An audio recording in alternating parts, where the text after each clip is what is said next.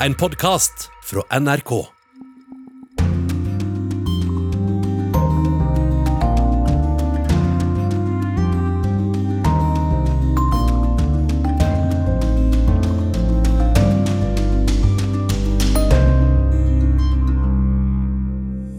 Velkommen til denne utgaven av Urix på lørdag.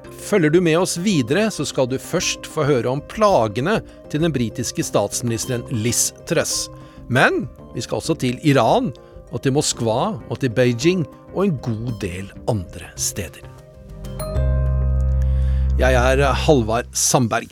Vi begynner altså denne sendingen i Storbritannia. Landets nye leder Liz Truss står foran store utfordringer, og hun har hatt en mildt sagt vanskelig uke nå. Lettere blir det nok ikke i tiden som kommer. I morgen begynner landsmøtet i det konservative partiet, og en av mange saker som Trøss har måttet forsvare, er budsjettet. I think we have to look at what situation this country would be in if we hadn't acted. People were facing fuel bills, energy bills of up to £6,000. We had very high inflation expectations, and an economic slowdown. And what we've done is we've taken decisive action. Liz der, hun sa at det som ble gjort, er noe som bare måtte gjøres. Men mandag stupte pundets verdi mot dollaren til det laveste noensinne. Akkurat nå har den stabilisert seg. Korrespondent Gry Blekastad Almås, hva er det Trøss har gjort, det hun vi hørte forsvare? Ja, hun måtte gjøre noe, sier hun. Men eh, det virker som markedene ikke var så fornøyd med det hun gjorde. Fordi på fredag, altså i forrige uke igjen, så la regjeringen fram sin eh, skattepakke. Eh, og det innebar altså skattekutt verdt 500 milliarder kroner. Og de skal da finansieres med lånte penger. Og da finansmarkedene åpnet mandag morgen, så kom reaksjonen på det. Og reaksjonen var som du sier, at pundet stupte til sitt laveste nivå mot dollaren noensinne. Så det var tydelig at markedene ikke uten videre tror på eh, regjeringens påstand om at disse skattekuttene skal føre til en vekst i økonomien. og Det var mange i finansmiljøene som da etterlyste en, en forklaring eller en sammenheng mellom den påstanden og det virkemidlet. Eh, så, så Derfor kom den reaksjonen, og den kommer da i en i et bakteppe hvor eh, inflasjonen er skyhøy, ligger rundt 10% hvor mange millioner briter sliter med å betale regningene sine. De går nå en høst og vinter i møte med eh, skyhøye energiregninger som de ikke klarer å betale, til tross for at regjeringen også har kommet med hjelpepakker knytta til energiprisene. Men mange kommer til å fryse seg gjennom vinteren. Det er rapporter nå om folk som ikke altså de kutter ned på måltider, har ikke råd til å spise, unger som kommer sultne sultne på skolen osv. Så, videre. så skattekutt, og uh, mange av dem til de aller rikeste, uh, har da ikke mm, falt i god jord overalt denne uka her. Det kan vi trygt si. Det er mye dette her, Gry. Du beskriver noe som for mange kunne forestille seg som fullstendig kaos, er det det? Ja, det er i hvert fall min oppfattelse av situasjonen her. Det er økonomisk kaos og selvfølgelig også et politisk kaos. Og kravene eh, mot Liz Truss, som vi skal huske, hun har ikke sittet som statsminister i fire uker enda en gang. Ehm, og, og, og, kravene mot at hun skal uh, gå tilbake på, altså reversere denne uh, politikken, er kommet. Også fra hennes egne. Det rapporteres i britiske medier nå at flere av parlamentarikerne i det konservative partiet har uh, sagt at de vil at hun skal gå av allerede. Eh, og så ser man på meningsmålingene også at folk har mistet tilliten til det konservative partiet. Eh, kommet eh, fire nye målinger nå de siste dagene hvor alle viser at opposisjonspartiet Labour har en stor ledelse på det konservative partiet. 33 prosentpoengs ledelse på den ene av disse målingene. Det er langt, langt mer enn Labour ledet over konservative partiet da Boris Johnson Eh, var statsminister. Og vi husker hvor upopulær han var. ikke sant? Han ble også sparka fra stillingen sin. Så akkurat nå er eh, Liz Truss og den nåværende regjeringen veldig lite populær når den nå går inn i, i sitt landsmøte i morgen. Så det er, det er, mye de må bevise der overfor velgere, overfor finansmarkeder og, og også overfor egne delegater. Hvor lenge kan de holde unna et nytt valg? Det er jo ikke planlagt eh, et nytt valg før om ca. to år. Eh, men det snakkes jo om at eh, presset mot regjeringen kan bli så stort at det tvinges fram et valg tidligere. Eh, så det blir jo spennende å følge både den politiske og økonomiske situasjonen videre. Eh, og disse tingene henger jo nå da, eh, som jeg har prøvd å forklare, veldig veldig tett sammen.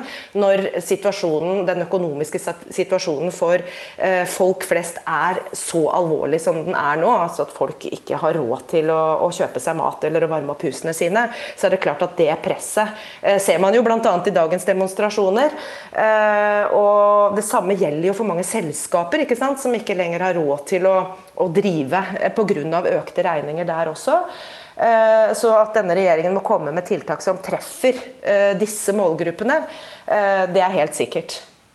Vi får vente og se hvordan det går med Liz Truss i ukene som kommer. Takk til deg, Gry. Vi er ikke helt ferdig med deg, for vi skal sende reportasjen din fra Isle of Man litt senere i sendingen.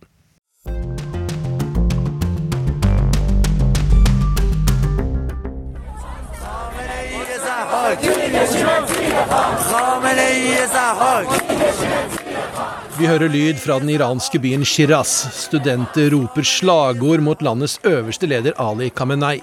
Det er noen hundre mennesker som har møtt opp. Mange av kvinnene, flertallet av dem, ser det ut til, har ikke dekket til håret sitt. Protestene i Iran har nå vart i snart to uker, og de har spredd seg til nesten alle av landets 31 provinser. En av grunnene til at mange iranere er sinte på regimet, er at det blir brukt store summer på å støtte politiske og militære grupperinger i Midtøsten, mens den jevne iraner sliter med å få endene til å møtes. I Libanon får Hezbollah-bevegelsen sju milliarder kroner hvert år av det iranske regimet. Vår Midtøsten-korrespondent, som selv bor i Beirut, har sett nærmere på hva disse pengene går til, og snakket med både tilhengere og motstandere av Iran. Vi er i Nabaa øst i Beirut. Dette er et multireligiøst nabolag. Her bor kristne og muslimer tett på hverandre. Her bor også mange sjiamuslimer, og blant disse nyter det iranske regimet bred støtte. Her mener veldig mange at opptøyene i Iran er en amerikansk konspirasjon for å destabilisere landet. Jeg støtter det iranske regimet og er imot demonstrasjonene, sier firebarnsfaren eh, Abbas. Det er en eh, stor sammensvergelse planlagt av USA. De later som de er opptatt av menneskerettigheter, men i praksis jobber de imot disse tingene. Men kvinnene vi møter, fordømmer dødsfallet til Mahsa Amini, som utløste den siste runden med opptøyer. Jeg støtter jenta. Det er uakseptabelt det som skjedde med henne, sier Zahra, som driver en liten kafé i Namma. Masa burde hatt rett til å gå akkurat slik hun ville. Hun skulle ikke blitt behandlet slik. Majoriteten av den muslimske verden består av sunnimuslimer. Iran er det eneste landet med en sjiamuslimsk majoritet. Derfor bruker det iranske regimet enorme summer på å støtte sjiamuslimer, både militært og økonomisk, i hele den muslimske verden, som i Libanon. Iran har hjulpet Libanon mye, sier kaféeieren Zahra.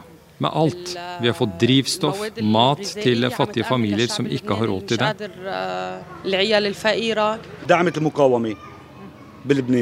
Iran støtter motstandskampen. Før kunne Israel marsjere inn i Libanon på en halvtime. Iran hindrer dem nå. Nå sender iranerne oss gratis olje. Ville USA, Saudi-Arabia eller Europa gjort det samme? Den som deler ut all denne hjelpen på vegne av Iran, er Hezbollah. Det er et politisk parti i Libanon med en egen militær gren. EU har oppført den væpnede styrken til Hizbollah på sin terrorliste, mens USA kategoriserer hele bevegelsen som en terrorgruppe. Hizbollah-leder Hassan Nasrallah legger ikke skjul på at hans parti er helt avhengig av eh, iransk hjelp.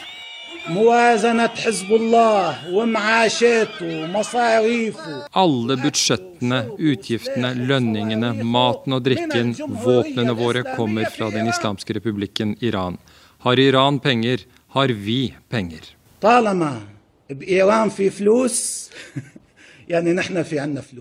Ifølge en rapport fra 2020 utarbeidet av det amerikanske utenriksdepartementet, overfører Iran 700 millioner dollar til Hizbollah hvert eneste år.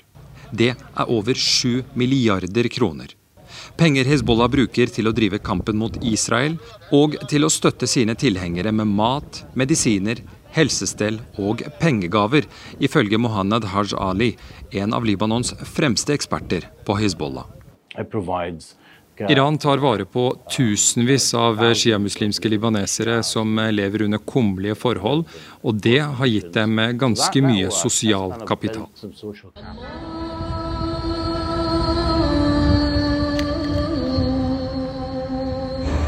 Men det er eh, langt fra alle libanesere som eh, støtter Hizbollah. Vi har eh, beveget oss ut av Naba til sentrumsområdet i Beirut. Og Her møter vi mange som mener Iran er roten til alle økonomiske og politiske problemer i Libanon. Iran har ødelagt alt. Vi var Østens Sveits, nå er vi Østens søppel pga. Iran. Motstanderne til det iranske regimet i Beirut mener iransk innblanding har ødelagt Libanon. Før levde vi som konger. Takket være Iran er landet vårt eh, som Irak, Libya, Jemen og Syria. Og alt dette er Irans skyld, sier Joseph. Selv unge libanesere vi møter på er kritiske til Irans innblanding i Libanon. Iran har bare skadet Libanon, sier 18 år gamle Ahmed. De har gitt våpen til militser som er sterkere enn vår egen hær, og disse militsene kontrollerer nå både landet og folket vårt. Men bildet er mer sammensatt enn som så, ifølge eksperten. But the same Lebanese public officials, which are now being investigated by uh, European powers. De samme libanesiske politikerne som etterforskes av det internasjonale samfunnet for vanstyre, skylder nå på Iran, som om uh, Libanons problemer blir borte hvis uh, Hezbollah forsvinner. Det stemmer ikke. Reporter her var korrespondent i Beirut, Yama Vollesmal. Vi flytter oss raskt, for i morgen går Brasil til valg. Tidligere president Lula da Silva leder. Dagens president Jair Bolsonaro ligger 10-15 prosentpoeng bak. Arnt Stefansen i Rio de Janeiro har fulgt valgkampen.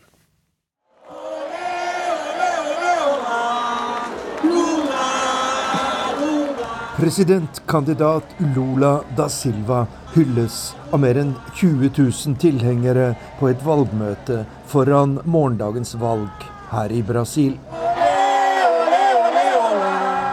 Jeg er i Nova Iguazu, en fattig forstad til Rio de Janeiro, der den tidligere presidenten ligger an til å få stor oppslutning ved valget. Han kommer med sterk kritikk av forholdene for landets arbeidere. Vi har millioner av arbeidere som jobber i den svarte økonomien.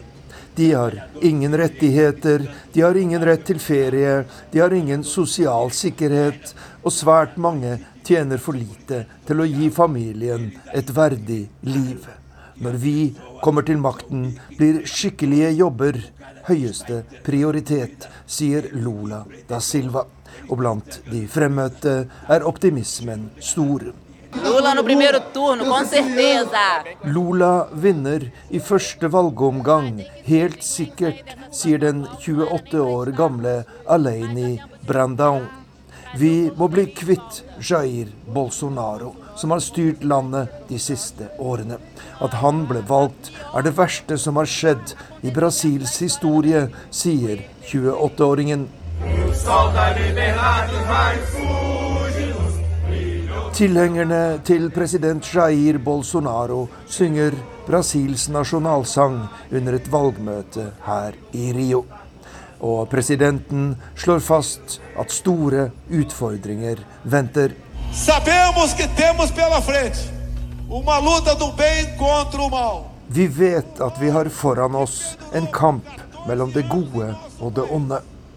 Det onde er venstresiden, som styrte Brasil i 14 år, og som nesten ødela fedrelandet vårt. Nå vil disse kreftene tilbake og fortsette sine ødeleggelser, sier den omstridte høyrepopulisten.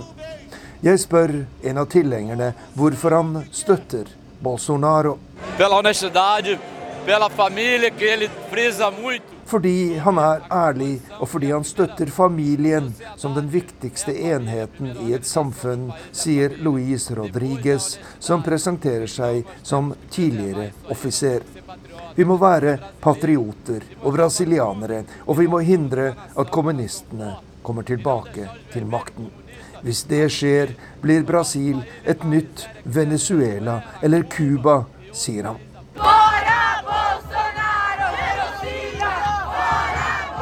Men ifølge meningsmålingene vil Jair Bolsonaro tape valget. Og nye målinger viser til og med at Lula da Silva kan få mer enn 50% av stemmene og avgjøre det hele allerede i første valgomgang i morgen. Det kan skape en dramatisk situasjon. Tusener av mennesker demonstrerer for demokrati i Brasils største by, Sao Paulo.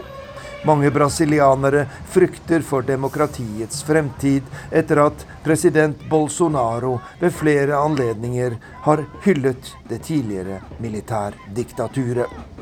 Det siste året har han kommet med hard kritikk av Brasils valgsystem, og det store spørsmålet er vil han respektere et valgnederlag. Hvis valget går riktig for seg, må man respektere resultatet, sier presidenten under en utspørring i Brasils største TV-kanal, og Globo. Med noen uforbeholden erklæring gir han ikke. Og mange frykter derfor hva som kan skje etter at valglokalene stenger klokka 22 i morgen kveld norsk tid.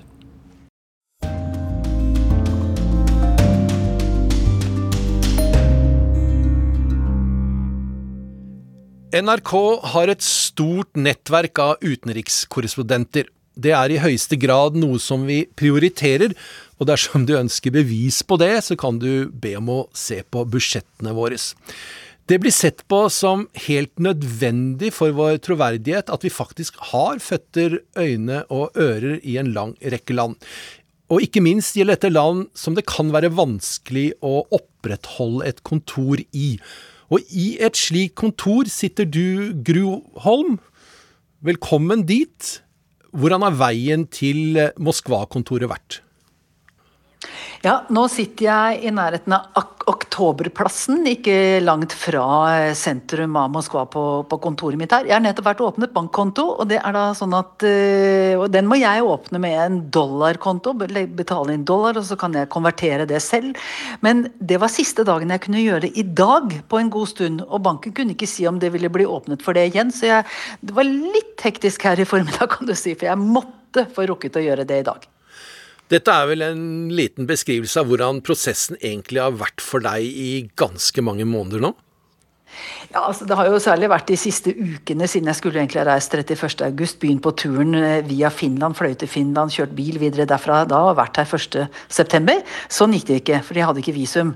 Og, så eh, sleit vi mye med å få riktig tollpapir. Jeg snakket med tollere på finsk side, på russisk side. Jeg snakket med folk som er tolleksperter her i Moskva, og alt skulle være i orden med de papirene jeg hadde. Det var det ikke. Jeg kom greit gjennom finskesiden, men da vi kom til den russiske siden, så viste det seg at jeg, jeg hadde ikke den elektroniske tollerklæringen fra russisk side som jeg trengte. Så da måtte altså NRKs sjåfør eh, kjøre tilbake igjen via finsk grense og inn og finne et lager, og det måtte vi jo da gjøre veldig fort, for, for eh, det tekniske utstyret som jeg hadde med. Og det var ganske mye teknisk utstyr. Så måtte han kjøre inn der, og jeg haiket videre med en dame som da sto på grensa. Og eh, dette var da et menneske som hadde kjørt sønnen sin og en annen eh, russisk mann i mobiliseringsaktuell alder eh, til Finland, så de skulle slippe unna. Så de skulle slippe vekk fra mobilisering. Det ikke, var ikke ulovlig, det er ikke ulovlig for unge menn å forlate Russland nå, så det var ikke noe ulovlig handling. Men eh, de følte de hadde dårlig tid. Og de var ikke innkalt på det tidspunktet. Det er litt av en tid for deg å igjen befolke Moskva-kontoret? Ja, det er det. Og, og det, er jo, eh, det er jo vondt på en måte. Eh, fordi eh, det er jo en følelse av at det er et, et, land i stor krise jeg kommer til. Og det er et land som antagelig i min levetid, jeg er 64 år, ikke kommer til å bli en del av det gode selskap igjen. Og det gjør jo vondt når det er et land du samtidig er glad i. Glad i folk her. Mye ved det landet her er veldig positivt. Men nå altså, har altså landet startet en krig i forhold til et naboland, og det, det gjør vondt. Og det er Jeg ser ingen klar utgang på det. Putin eh, pleier ikke å ta et skritt tilbake, og de skrittene han tar framover, er stort sett av mer aggressiv karakter enn en, en, en, en forhandlingskarakter. Men nå er du altså der, i Moskva, og er Moskva-korrespondent for NRK og skal være det en god stund. De fleste som kommer eh, til et nytt kontor, har en sånn kortliste i, i, hodet over hva de skal levere til Søndagsrevyen, som er som flaggskipet. Hva, hva er lista di? Altså, eh, Nå er det jo veldig vanskelig å få til noen avtaler overhodet. Men hvis jeg skal si liksom hva jeg skulle ønske jeg kunne gjøre, eh, så er det eh, for det første å dra ut og snakke med menn som flykter fra mobilisering. Det vet jeg, det tror jeg ikke går. Så skulle jeg gjerne dra til Være med russiske soldater inn i de okkuperte områdene i Ukraina. for å Snakke med dem, rett og slett. Eh, høre hvordan de føler det er å delta i denne krigen. Eh, jeg vil sikkert bli utsatt for mye propaganda, men jeg tror det er viktig å også rapportere eh, hva de tenker og, føler. Det er en del av historien. Så er det jo klart at jeg har ikke bare lyst til å holde på med krig. Og hvis jeg skulle gjøre noe som ja, var litt annerledes, men samtidig har litt sammenheng, så skulle gjerne vært i teater. Jeg skulle gjerne gått i teater. Russere er veldig glad i å gå i teater, og er, de er fulle, de er smekk fulle for tida. Og jeg vet For ikke lenge siden så gikk det en forestilling på Vakhtangova-teatret. 'Krig og fred' av Tolstoy. Det er en klassisk russisk teaterforestilling. Det skal vi høre litt her.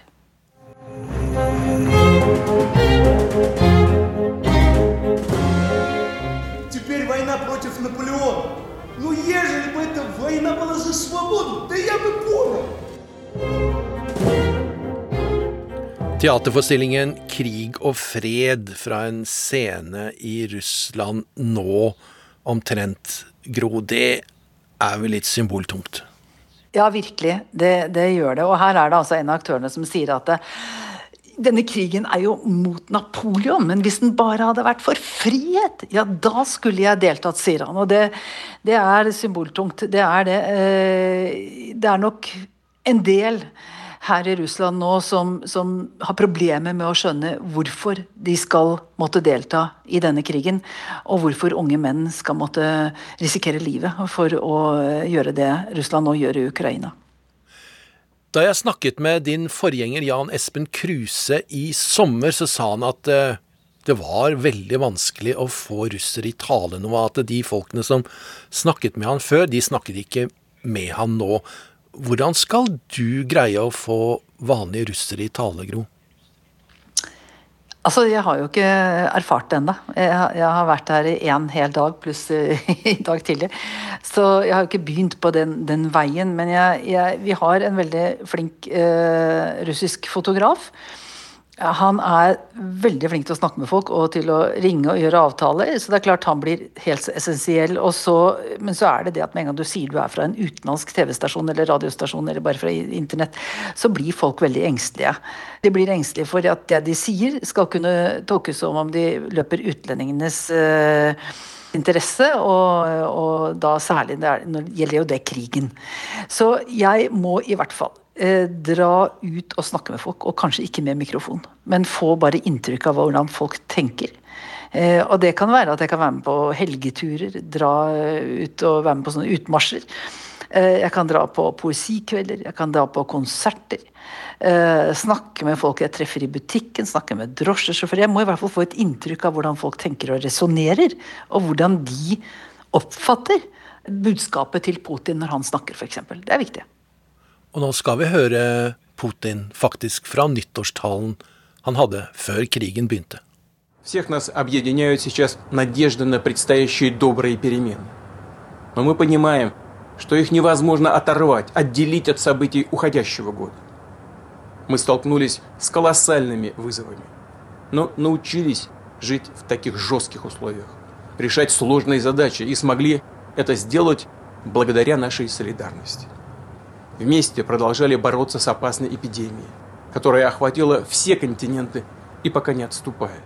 Ja, her eh, snakket altså Putin om at eh, folket, det russiske folket takket være den enorme solidariteten og samholdet hadde klart å leve gjennom de vanskelige tidene med epidemien, som man kaller det, altså med koronapandemien.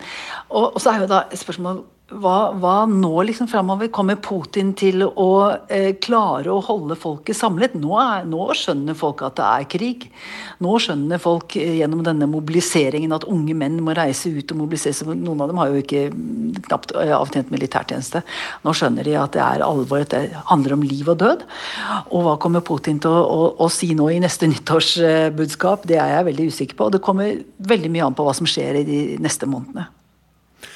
Gro Holm Tror du at du greier å bli værende i Moskva, eller blir NRK-operasjonen der pælma ut? Jeg vet ikke det heller. Jeg, altså, jeg vet ikke det.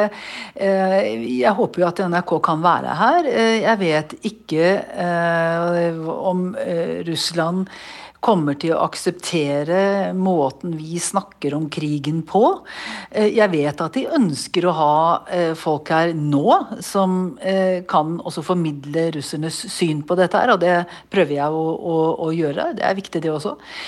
Men om vi får være her, det, det, det, er, det er uvisst. Vi er usikre. Og det gjør jo da at jeg tror folk som kommer hit nå, tar med seg ganske så små flyttelass. De som skal bo her framover og jobbe som journalister. Du får lykke til eh, videre med ditt virke, Gro, og det er en strevsom dag for deg. Alle har forståelse for det.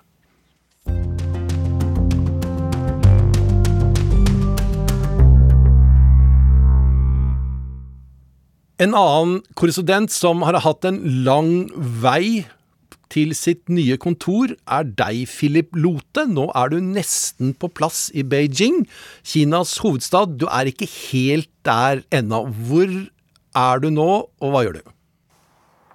Akkurat nå så er vi litt utenfor eh, Shanghai, en times kjøretur fra sentrum, i et uh, karanteneopplegg etter at vi har brukt uh, godt over et år på å forberede oss og, og komme inn i, i, Kina. Og vi måtte da, til tross for at resten av verden har gått uh, i stor grad videre, så måtte vi gjennom to koronatester i Norge, to i transit i Danmark før vi kom bord på flyet på Kastrup. Og så har vi da blitt testet uh, på nytt uh, da vi landet, og fulgt ut elektroniske skjemaer for helsetilstand, ankomst i fire-fem forskjellige nesten identiske versjoner, som da likevel ikke snakker helt sammen. Men nå er vi da altså på plass i Kina. Den amerikanske presidenten sa for omtrent eh, ja, ti dager siden at eh, pandemien er over. Det har ikke den kinesiske presidenten sagt. Nei, han eh, fortsetter å tviholde på denne uh, nulltoleransetilnærmingen til, uh, til, covid. Altså ethvert utbrudd skal slås ned på. Man kaller det en dynamisk nulltoleransepolitikk, men den førte jo til at man stengte ned Shanghai 60 dager i april. Man stengte nylig ned Chengdu, som er en annen eh, millionby. Sånn at det har ikke vært tegn på å gi opp eh, denne nulltoleransepolitikken foreløpig. De hadde jo en tidlig suksess i pandemien med å slå ned smitten, og så har de holdt på denne suksessen, selv om den også får kritikk og i økende grad er upopulær i Kina, så ønsker de ikke noen som helst form for smittebølge. Så pandemien er på ingen måte over i Kina. Men fordi at da Kina også blir mer isolert pga. sin pandemipolitikk, så glemmer på en måte resten av verden dette. Og så blir vi da minnet ettertrykkelig på det når vi skal reise til, til, til Kina og, og lander her. Når du først nå kommer deg på plass på kontoret, Philip, så har du sannsynligvis i hodet ditt en sånn liste over saker du har lyst til å levere til Søndagsrevyen, som pleier å være en av de store satsingene til konsulentene. Hva, hva, er kortlista di der, Philip? Ja, kortlisten er å komme inn i det moderne eh, Kina, som er veldig annerledes. Det digitaliserte Kina. Og kanskje øverst på den listen er å komme inn i den kinesiske videospillindustrien, som er enorm. Og et av de virkelig store spillene er noe som heter Honor of Kings. Kings.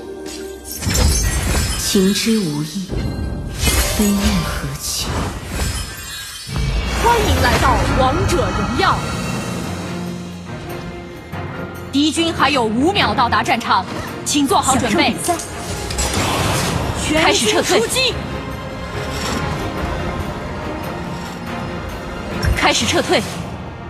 你的月亮不再下落，你的战士永不退缩。这负载万物的大地，忠诚不毛的荒原。Ja, Det er da et spill som har 100 millioner daglige brukere. Det blir gitt ut av uh, IT-giganten eh, Tencent. Videospillindustrien i Kina er enorm. Den konkurrerer med filmindustrien om å tiltrekke seg de største talentene. Den omsetter for 340 milliarder kroner i Kina. Den ansetter 2,74 millioner mennesker. Dette ene spillet som vi hørte, altså Honor of Kings, har 100 millioner brukere eller spillere hver dag på mobiltelefon. Eh, og så er det da eh, totalt eh, 730 millioner som spiller spill på mobiltelefoner i eh, Kina. Så det er en enorm eh, industri som også viser litt om hvordan Kina har endret seg voldsomt, eh, blitt digitalisert, er et helt annet land enn da jeg var korrespondent her sist.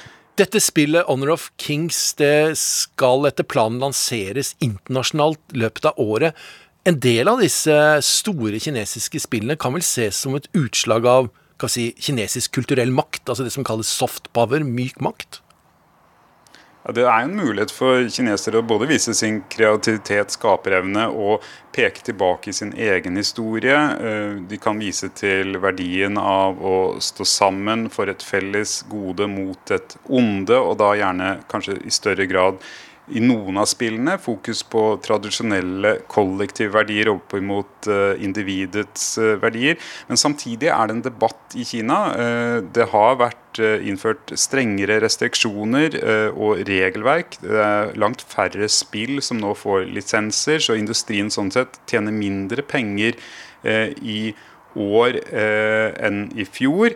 Eh, og det er bekymring for de sosiale konsekvensene. At barn blir innadvendte, at de blir aggressive. Eh, sånn at det er en ny regel om, eh, som går ut på at eh, de under 18 kun får lov å spille eh, tre timer i uken og kun fra fredag til søndag. Dette er da en instruks fra myndighetene. Så er det noen som sier at disse instruksene også handler om at spillene ikke bare viser til eh, kinesiske verdier som eh, myndighetene støtter, men også i litt for stor grad åpne for eh, egen tenkning, selvstendig tenkning og liberale verdier. Så det er en diskusjon i Kina om hva disse spillene representerer. Det er klart at de er en enorm maktfaktor i det kinesiske samfunnet. Og de kan også eh, være en del av Kinas eh, globale makt eh, hvis kinesiske myndigheter klarer å få de store tech-selskapene til å spille videospillene på deres premisser, nær sagt. En sak som du mer eller mindre blir tvunget til å rapportere om, det er jo Kinas forhold til Russland, og spesielt når det gjelder Ukraina. Hva er statusen der nå, Philip? Skal vi lese mellom linjene, så kan det virke som om Kina er litt mer usikre på uh, hvor dette går hen. De har jo aldri fordømt, men de har heller ikke direkte støttet uh, krigen og invasjonen i Ukraina. Eh, de har sagt og gjentar mye russisk eh, propaganda om hvorfor USA og Vesten har tvunget fram og presset eh, Russland inn i et hjørne hvor de var nødt til å gjøre noe. Men de har f.eks. aldri ønsket å gi etter for krav om å gi våpen. Når de kjøper gass fra Russland, så forhandler de prisen ned og gjør det til Kinas fordel. Så det er først og fremst Kinas interesser som teller her. Og de er nok nå eh, ganske usikre på hva de har å tjene på å støtte Russland hvis Russland fortsetter å tape terreng. Det kommer nå veldig snart en stor sak som du må dekke, Philip. Og i den forbindelse skal vi høre fra en nyttårstale. Min 之所忧，我必念之；民之所盼，我必行之。 我也是从农村出来的，对贫困有着切身感受。经过一代代接续努力，以前贫困的人们现在也能吃饱肚子、穿暖衣裳，有学上，有房住，有医保。Ja, det er kanskje mange som kjenner igjen eh, stemmen til den kinesiske eh, presidenten der, Xi Jinping. Og med perfekt eh, mandarin så sier han at det er utfordringen til folket jeg alltid bryr meg om. Dette er altså et utdrag fra nyttårstalen han hadde. Og det er folkets mål jeg alltid jobber for å tilfredsstille. Jeg har selv jobbet på landsbygden, og jeg vet nøyaktig hvordan fattigdom føles takket være den kontinuerlige innsatsen til det kinesiske folk gjennom den ene generasjonen til den neste, så behøver ikke de som en gang levde i fattigdom, bekymre seg for mat, klær, tilgang til utdannelse, et sted å bo eller helsetjenester, sa altså Xi. Og Philip, 16.10 åpner partikongressen, og der blir vel økonomien et viktig poeng? Den kinesiske økonomien har enorme utfordringer. I 2010 så hadde den en vekst på 10,6, eh, og så mener man jo at eh, den har modnet, blitt mer moderne. Eh, så at en vekst på rundt 5,1 er ok. Det er der den skal ligge i 2021-2022. Men hvis vi tar andre kvartal i år, som da er etter denne 60 dagers nedstengningen av eh, Shanghai, eh, så hadde de en vekst på 0,4% som er ekstremt lite. Nå peker tallene for august noe oppover, men det er en langt svakere vekst. Så det er en økonomi i Kina nå som alle vedkjenner har ganske store utfordringer. Og med dette som bakteppe så blir det nok en spennende partikongress. Så lykke til, eh, Philip. Takk for det.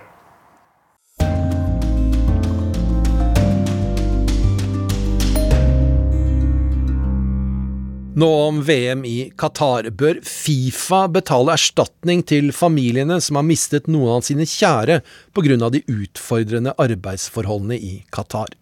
Eller nærmere bestemt de som døde under oppføring av de nye fotballarenaene. De som skal brukes når VM sparkes i gang 20.11.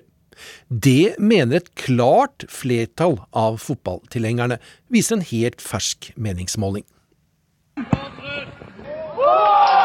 C'est la dernière Coupe du Monde de Messi et de Ronaldo. Euh, faut pas la boycotter celle-là. Bojkotta inte. Detta blir ju sista fotbolls-VM med Cristiano Ronaldo på plan. Det kan man väl bara inte missa. Det tycker 18-årige Abdesam som jag stöter på vid en fotbollsplan i Joinville öster om Paris. Men 21-åriga portugisiska spelaren Ines ska inte titta på VM trots att hon är mycket stolt över det portugisiska herrlandslaget. Portugaise, on est très fiers de notre euh, sélection mais euh, je vais pas regarder les matchs. Ines stödjer, liksom 73 procent av de spurte i Amnesty Internationals spørreundersøkelse, hjelpeorganisasjonens idé om at Fifa skal betale skadeerstatning på ca. 4 milliarder 400 millioner kroner. Donc on a fait un sondage dans 15 pays différents et 73% de la population serait favorable Over 17 000 fotbollsfans har ställt upp i undersökningen som utförts av ett opinionsföretag i 15 länder som Norge, Argentina, Storbritannien och Kenya berättar Jean-Claude Samouillet, chef för Amnesty International Frankrike, när vi träffas. Et nous demandons à la FIFA qu'elle dote un fonds de 440 millions I Norge är 70 procent av de tillfrågade för att Fifa betalar skadestånd till de familjer som har mistet en medlem i arbetena kring fotbolls-VM. Amnesty-chefen påminner om att Fifa fungerar likt ett kommersiellt företag som kan tjäna flera tiotals miljarder kronor på VM-arrangemanget. Et la FIFA, qui est une entreprise commerciale, donc est soumise... Shall I recall the candidates? Så här lät det när Fifa avslöjade att Qatar ska få organisera fotbolls-VM. The winner to organize the 2022 FIFA World Cup is Qatar. Brittiska tidningen The Guardian har dock meddelat att minst 6 500 gästarbetare har dött under omänskliga förhållanden i byggingen av sju fotbollsarenor och en tunnelbana. Qatar, one of the richest countries in the world per capita. Det talas bland annat om 12 timmars arbetsdagar i 40 grader hette och bristande säkerhetsarrangemang på arbetsplatserna för tusentals gästarbetare från olika länder. Det visas i en film som The Guardian lagt ut på Youtube. This summer, the bodies of scores of migrant workers in Qatar have been flown home to their families in Nepal. Även om Amnesty International inte uppfordrar till bojkott tänker många andra göra det i protest mot att krav om mänskliga rättigheter inte uppfylls i landet. Et on espère euh, éveiller les consciences un petit peu plus sur ce problématique de la Coupe du Monde. Franska tidningen Quotidien de la Réunion är en av världens första medier att meddela att de helt ska bojkotta VM. Inte en spalte ska skrivas. På så vis vill vi väcka läsarnas medvetande, säger chefredaktören Vincent Vibert. Tyska medier har meddelat att deras fotbollsspelare Philippe Lam ska bojkotta arrangemanget och franske fotbollslegenden Eric Cantona med ett storslaget förflutet i Manchester United ska inte heller titta på matcherna på TV, vilket fått stora rubriker i medierna. Det är en skandal, selon Eric Cantona qu'il ne regarderait aucun match. Och det danska landslaget ska markera mot Qatar via matchtröjan och tona ner loggorna för att inte synas under mästerskapet. Den i Frankrike kände grävande journalisten och författaren Thomas Dietrich säger att fotbolls-VM ibland blir en butikfront för diktaturer.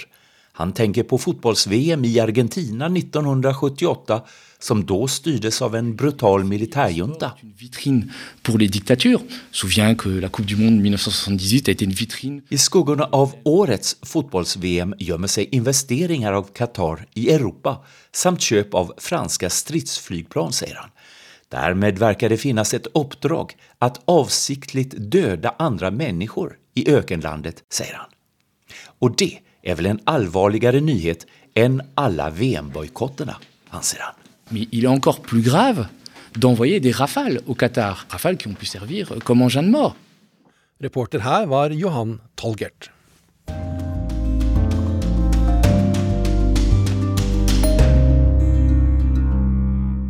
Og nå en liten radioperle, for vi skal til øya Man i Irskesjøen, som var britisk fangeleir under andre verdenskrig. Tusener ble holdt fanget der i årevis, også nordmenn, og mange etter feilaktige anklager. Etter krigen ble mye dokumentasjon ødelagt, og særlig lite har vært kjent om Churchills norske fanger. Men nå kan forskere på Man få ny innsikt, takket være et ektepar fra Bergen.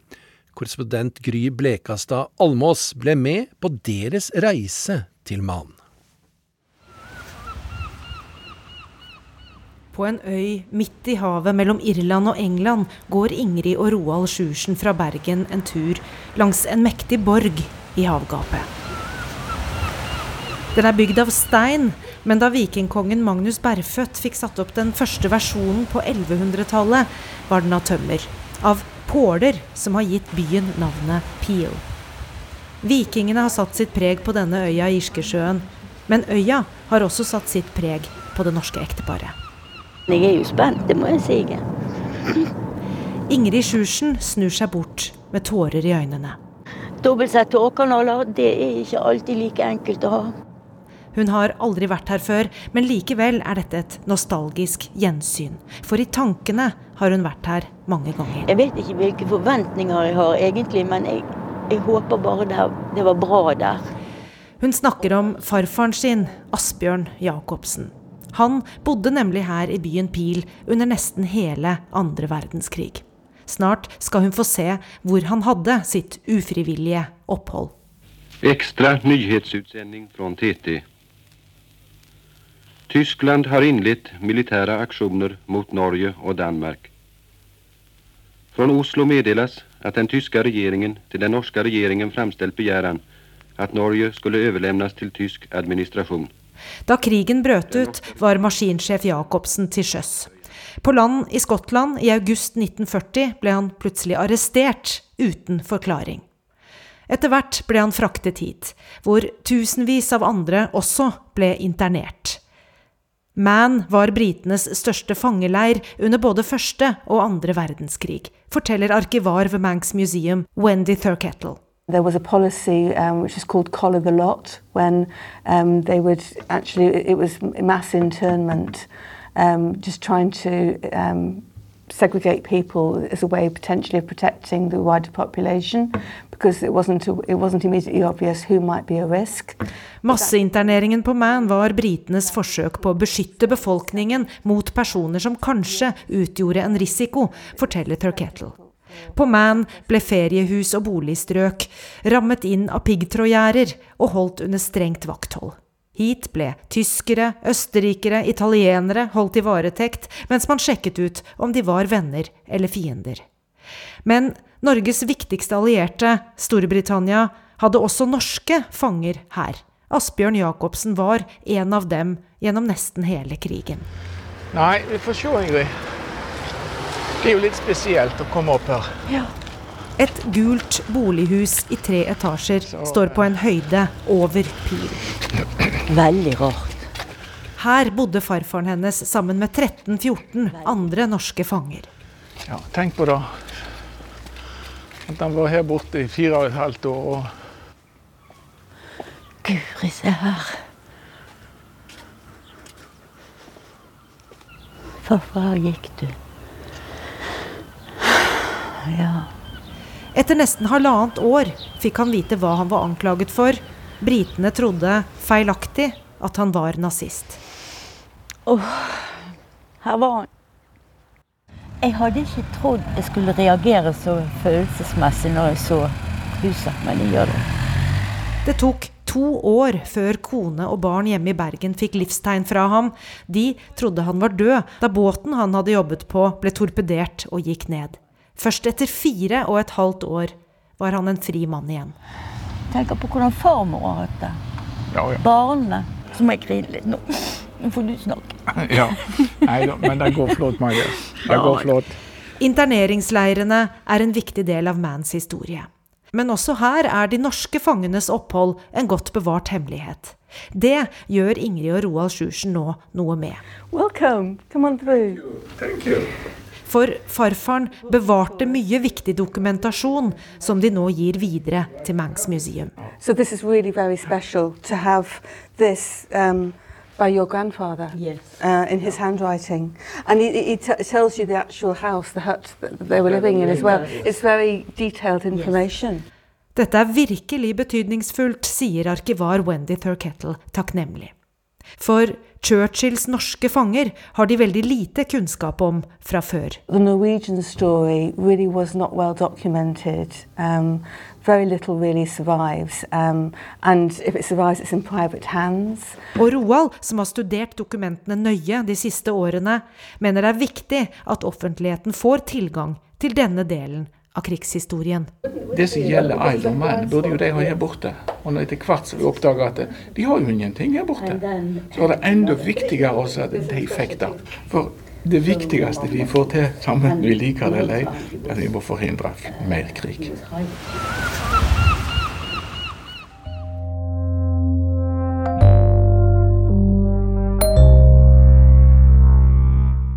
Vi er kommet frem til ukens brev. Det er fra Tyskland. For der er mange urolige etter at to gassrørledninger ble punktert i Østersjøen. Kollega Roger Severin Bruland lodder stemningen i Berlin. Det er mørke tider i Europa, bokstavelig talt.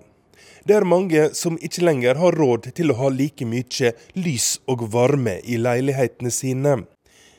Inflasjonen i Tyskland er nå på 10% Det har ikke skjedd siden andre verdenskrigen. Men klarer vi å ta inn over oss alt dette her?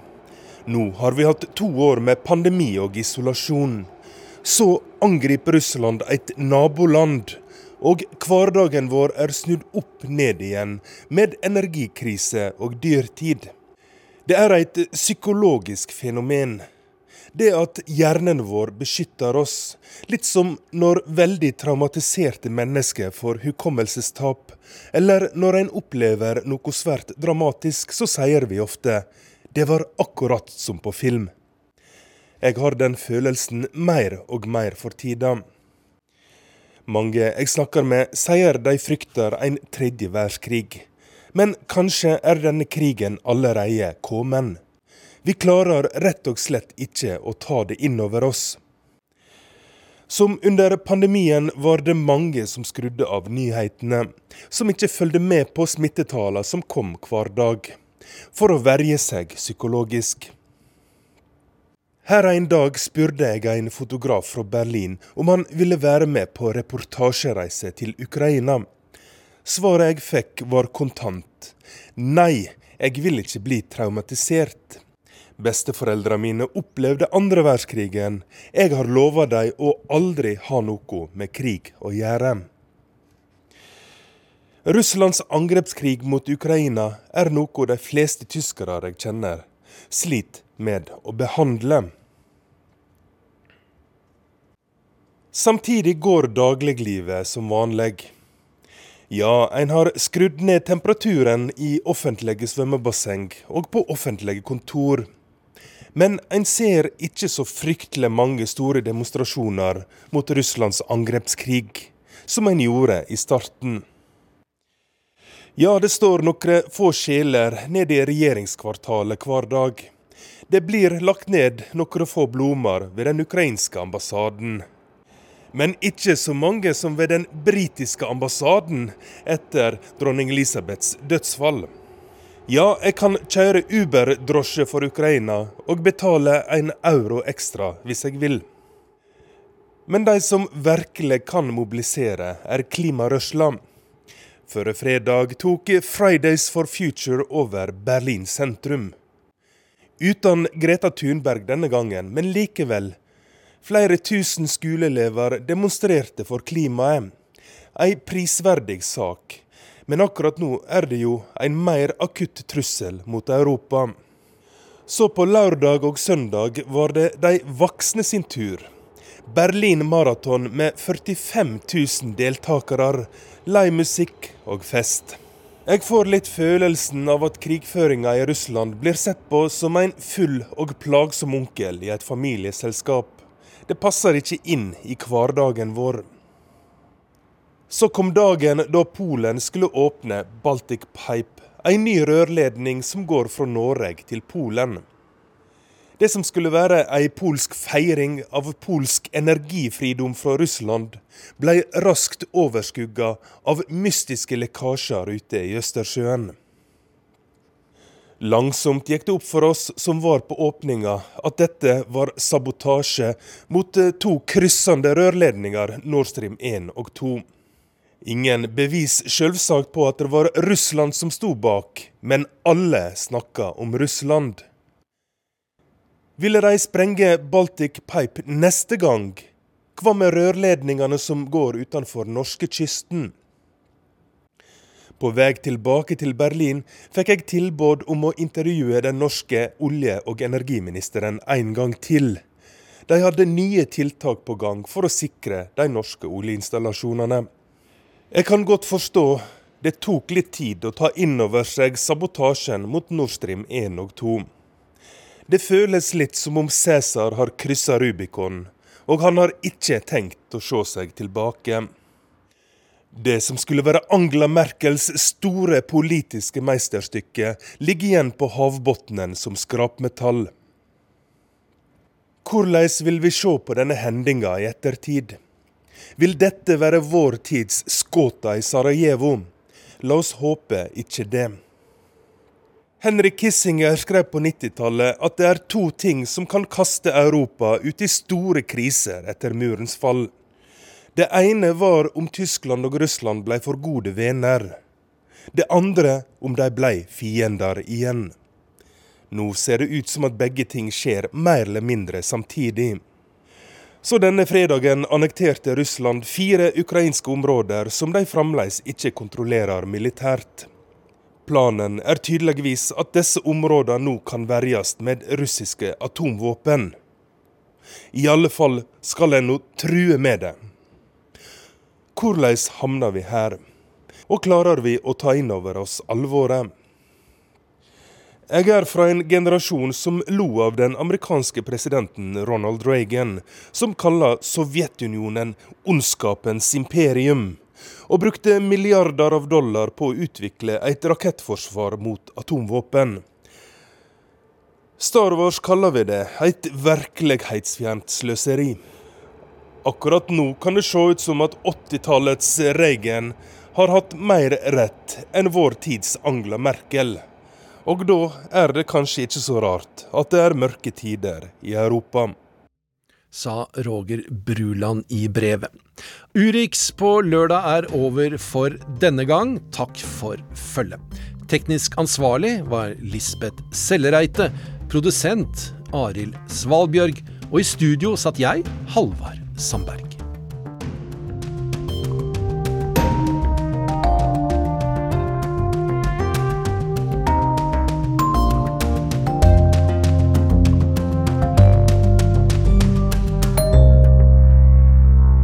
Du har hørt en podkast fra NRK. Hør flere podkaster og din favorittkanal i appen NRK Radio.